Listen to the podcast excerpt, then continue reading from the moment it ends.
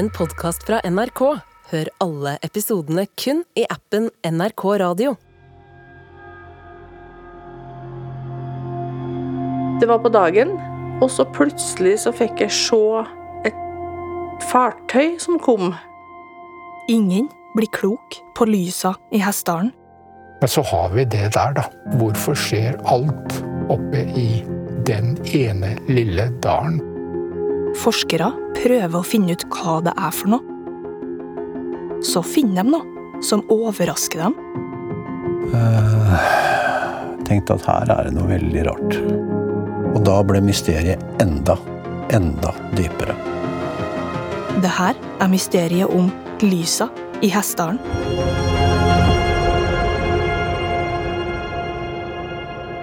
Den siste delen av to. Jeg heter Kristi Hol. Reporter er Ellen Flå.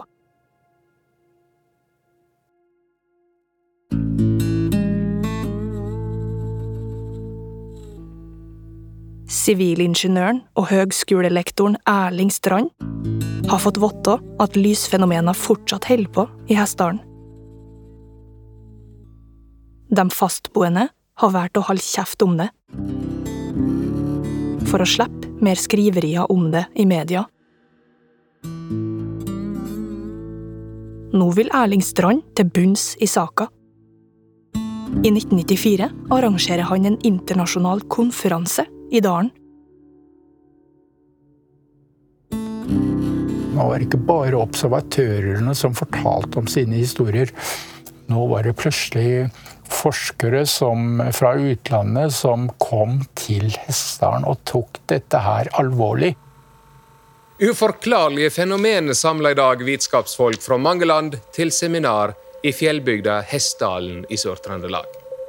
Og det, det, var også noe som presten reagerte på, og, og skjønte med at ja, det er et fenomen, ja. Um, og som til og med utenlandske forskere tar alvorlig. Den latterliggjøringa som bygdefolket har kjent på i mange år, tar slutt. Da ga det seg. Da, da dempet det seg helt. En av dem som kommer opp på konferansen, er Bjørn Gitle Hauge. Han er òg sivilingeniør, og har akkurat begynt å jobbe ved Høgskolen i Østfold. Nei, det begynte først at det, det, man mangla en, en konferansier. Da ble det som kasta Ja. Jeg ble antatt å hadde den som kunne prate engelsk best. Den lille dalen nord for Røros fylles opp av eksperter. Det som sjokkerte meg litt med dette her, var jo det at det kom jo tilstrømmende folk fra hele verden. Det var jo professorer fra Japan, Russland, USA, overalt. Under konferansen kommer flere av dem med sine teorier om hva lysfenomenet er for noe. Men det er liksom ingen av dem som peker seg ut som den riktige.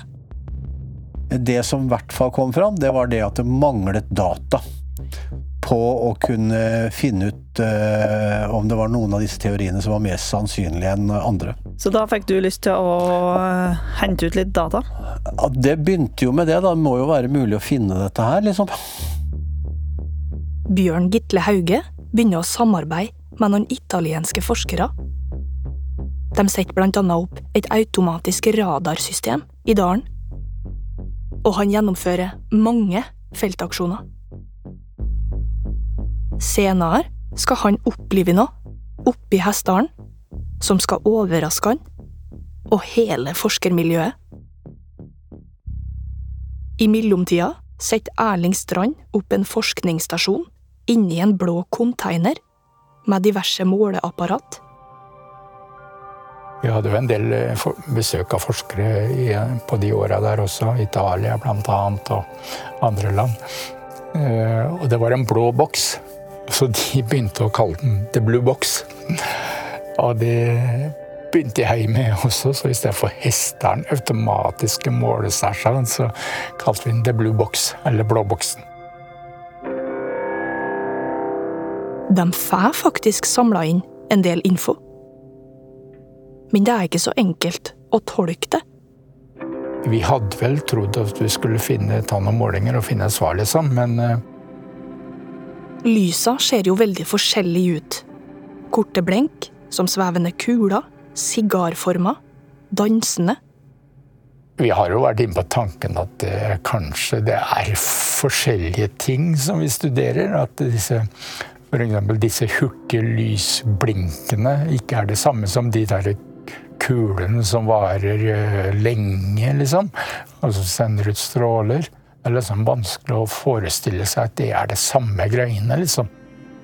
Eh, Så det, det, for meg så er det nesten blitt enda mer mystisk etter hvert som jeg driver og forsker på de greiene her.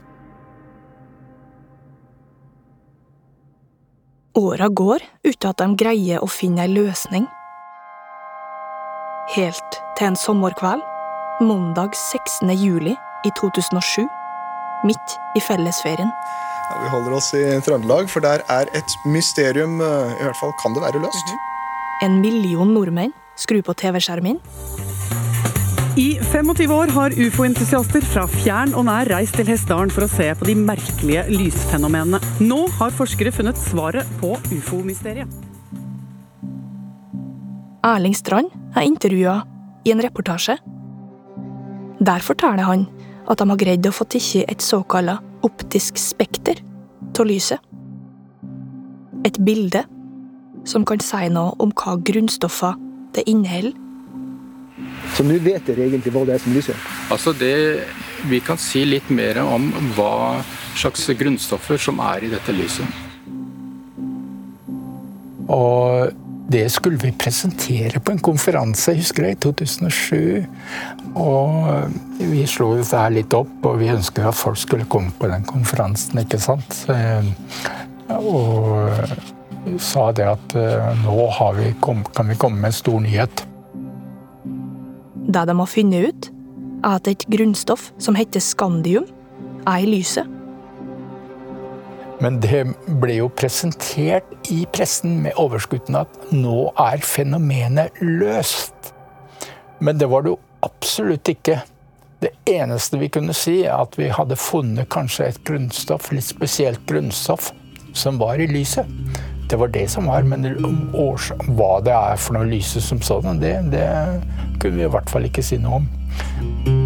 Det er jo veldig mange som kanskje bare leser overskriften uten å lese hele artikkelen, hvor det da går fram at vi har ikke løst det. De vet fortsatt ikke hvorfor, eller hvordan det oppstår, og hvorfor akkurat i Hessdalen. Hva er det, og hvor kommer det ifra?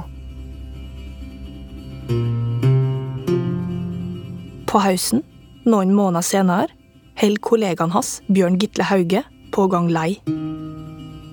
Han har drevet på i Hessdalen siden 90-tallet. Hatt flere feltaksjoner.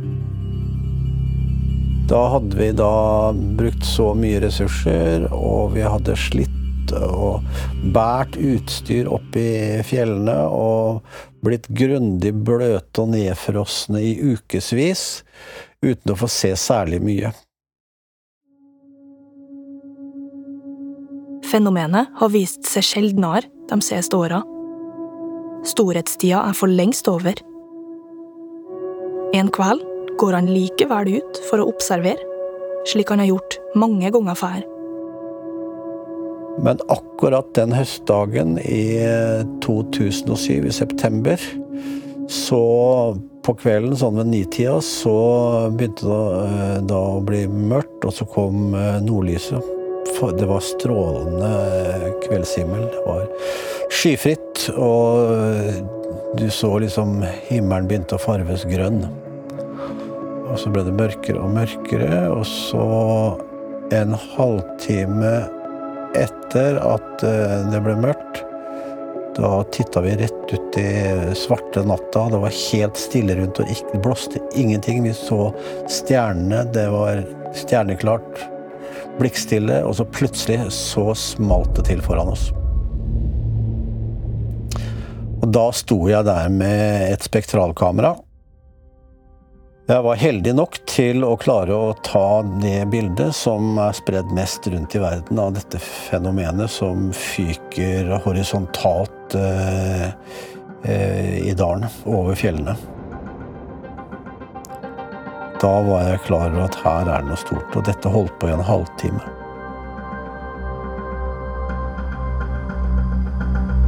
Forskerne han samarbeider med i Italia, får òg med seg det som skjer. Klokka to på natta så ble, ringte telefonen fra meg fra Italia. Og var meget opphisset italiener. Så sa oh, Bjørn Gøte you have seen the radar? Nei, jeg har ikke sett radaren. Oh, it's something out there. Og radaren hadde da fanga hele dette forløpet. Bildet Bjørn Gitle har tatt, skal bli et av de mest kjente av hestersfenomenet. Det er et såkalt spektralfoto. Et filter på kameraet tar bort det hvite fra lyset, så de lettere kan se fargene til fenomenet. Når vi hadde det, så trodde jeg at nå skal vi finne ut hva det er for kjemisk stoff som brenner i dette her. For jeg trodde vel, og det trodde vel kanskje mange òg, at det her er en eller annen gass, en kjemisk reaksjon, som tar fyr. Og da ville det vært mulig å se prikker i dette farvesprektet som an, angir hvilket grunnstoff det er som brenner. Eh, det var ikke noen sånne prikker. Derfor klarer de ikke å se om det er noe spesielt grunnstoff som brenner. Det bildet de får, ser helt jevnt ut.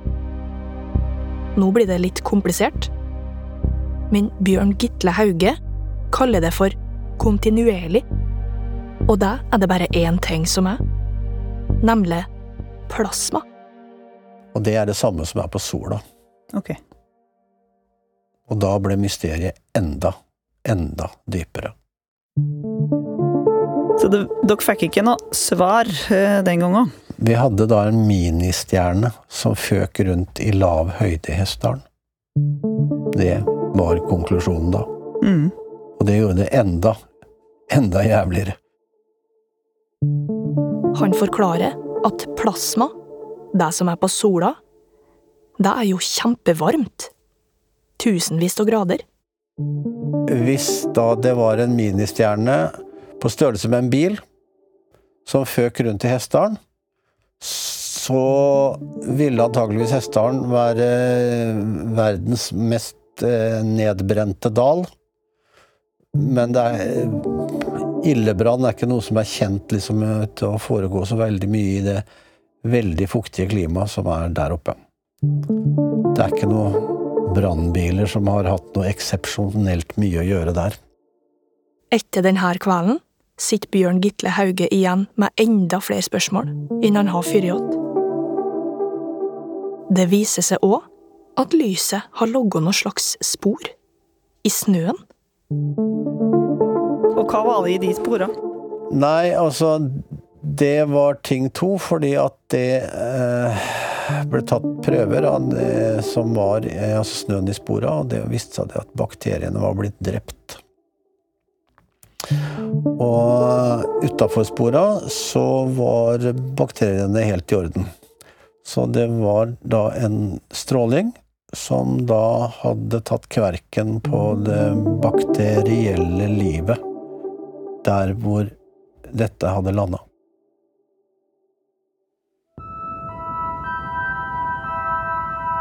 I nyere tid har fenomenet i Hessdalen konsekvent blitt kalla for et lysfenomen. En har gått mer og mer bort fra at det her har noe med intelligent liv fra andre planeter å gjøre. Men hva da med dem som mener de ser fysiske objekt på himmelen i dalen? For der skjer hun fortsatt. Det er noen somre siden, men ikke så gærent mange år. Jeg husker ikke helt årstallet, men eh, Britt Eva Lundereng har hytte på Øyungen, ikke langt unna Hessdalen. det var på dagen, sånn på tretida på ettermiddagen. Sto ute på verandaen. Det er en helt vanlig dag. Eh, Fint vær, sol, blå himmel. Hun står og ser mot et fjell som heter Skarven. Og så plutselig så fikk jeg se et fartøy som kom. Og så sto han og fulgte med der, og så tenkte jeg rart, det er nå ikke noe lyd der flyet, liksom. Men så fikk jeg se at det plutselig kom foran fjellet. Så jeg fikk se det skroget mot fjellet. Og det, det der tok nå sikkert en jeg vet ikke, minutt eller to. Uh, jeg syns jo det var veldig merkelig. Men det hadde ikke noen vinger, for så vidt, det der fartøyet. Det var sølvfarga, og så var det liksom litt uh, Ja, mer som en sånn diamantfasong på det, vil jeg si. Hvor stort er det? Som en bil, kanskje. Tipper jeg. Sånn vanlig sånn personbilstørrelse. Hva tenkte du da når du så det der? Jeg tenkte at er det her en film? For at jeg følte at det der var så merkelig. Og jeg tenkte etterpå men herregud, så jeg det? Eller så jeg ikke det? Eh, hvem fortalte du det her til? Eh, mannen min var jo her, men han var inne i hytta akkurat da, så han eh, så det jo ikke. Så jeg fortalte jo at han, selvfølgelig. Og jeg har jo fortalt det til familie og venner og litt sånn òg, skulle jeg si. Men eh, jeg har vel ikke utbasunert det, nei. det har jeg ikke. Men jeg har fortalt det til noen. Ja. Hvorfor har ikke du lagt ut så mye om det? Jeg tror jeg forteller det til dem som jeg tror er mottakelige for å høre om det, og så forteller ikke det til dem som jeg vet ikke tror på det.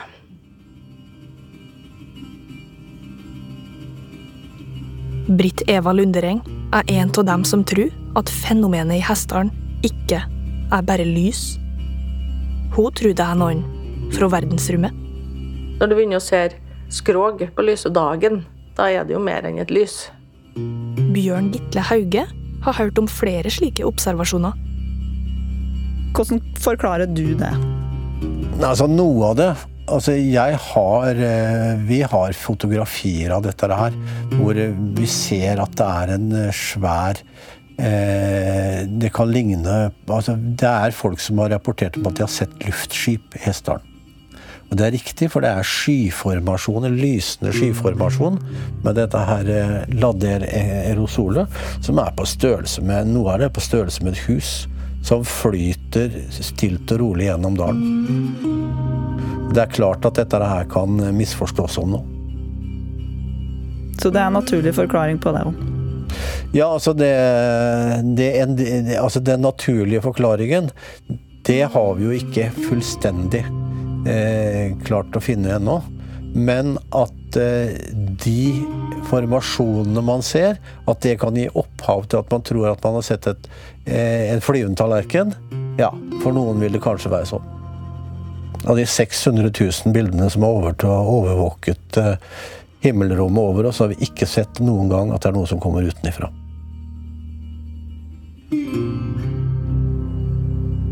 Mange vil til at svaret ligger i bakken. Hessdalen ligger i et område med mye mineraler i jorda. Røros er jo kjent for gruvedrifta si. Der hadde det blitt utvinna kobber, sink, krom og svovel. Erling Strand har tenkt en del på om lysa kan ha noe med deg å gjøre. Eh, det har vært gruvedrift og mye interessante, spennende eh, mineraler. Eh, og det er klart, det er jo nærliggende å tenke at det har noe med saken å gjøre.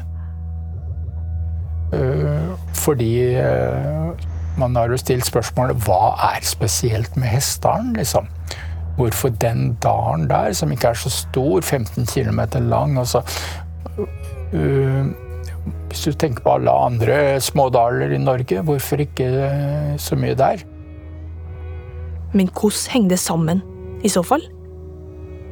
Der klarer han ikke å se for seg. Altså, hva slags mekanismer er det som får det til å skje? Det vet vi ikke. For eksempel hva er det som gir energi til dette her lyset? Det har de klødd seg mye i hodet over. Og om en finner ut hva det er, kan det løse et stort problem oss har i Norge, og i verden. Tror Bjørn Gitle Hauge. Det, det, ligger noe foran oss som er, eh, som er kanskje en del av løsningen på energikrisa. For det er en lagringsmekanisme for energi som vi ikke har avslørt ennå. Den må vi se og finne ut av. Så hvis naturen selv klarer å lage en lyskilde som henger da i lufta, så hadde det vært interessant å se om dette var mulig å gjøre og replikere av oss mennesker. Kanskje kan det brukes som strøm i framtida? Kan erstatte alle eh, fysiske lys som vi bruker inne i huset. Fjerne alle ledninger. Og så har vi da noen små hyggelige, hyggelige lyskuler som vi kan eh, eh, Som kan følge med oss. Sånn hadde som en liten hund liksom i skulderhøyde ved siden av oss. Det, hvis det er mulig.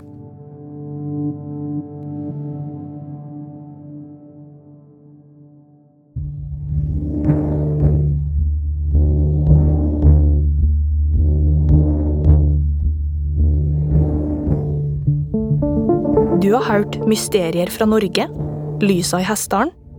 Den ses-delen av to. Denne episoden er logget av meg, Kristi Hol. Reporter Ellen Flå.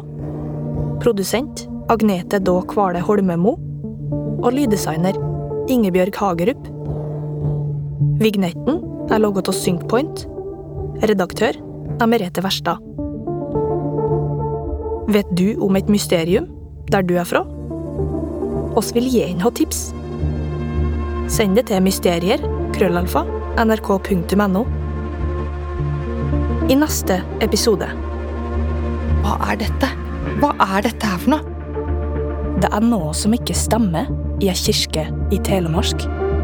Hvorfor har man på en måte tatt med 2000 djevler inn i kirka? Hvorfor er veggen i kirka full av demoner? Svaret skal overraske. Altså, jeg fikk gåsehud, jeg. Og det får jeg fortsatt. Du har hørt en podkast fra NRK. Hør alle episodene kun i appen NRK Radio.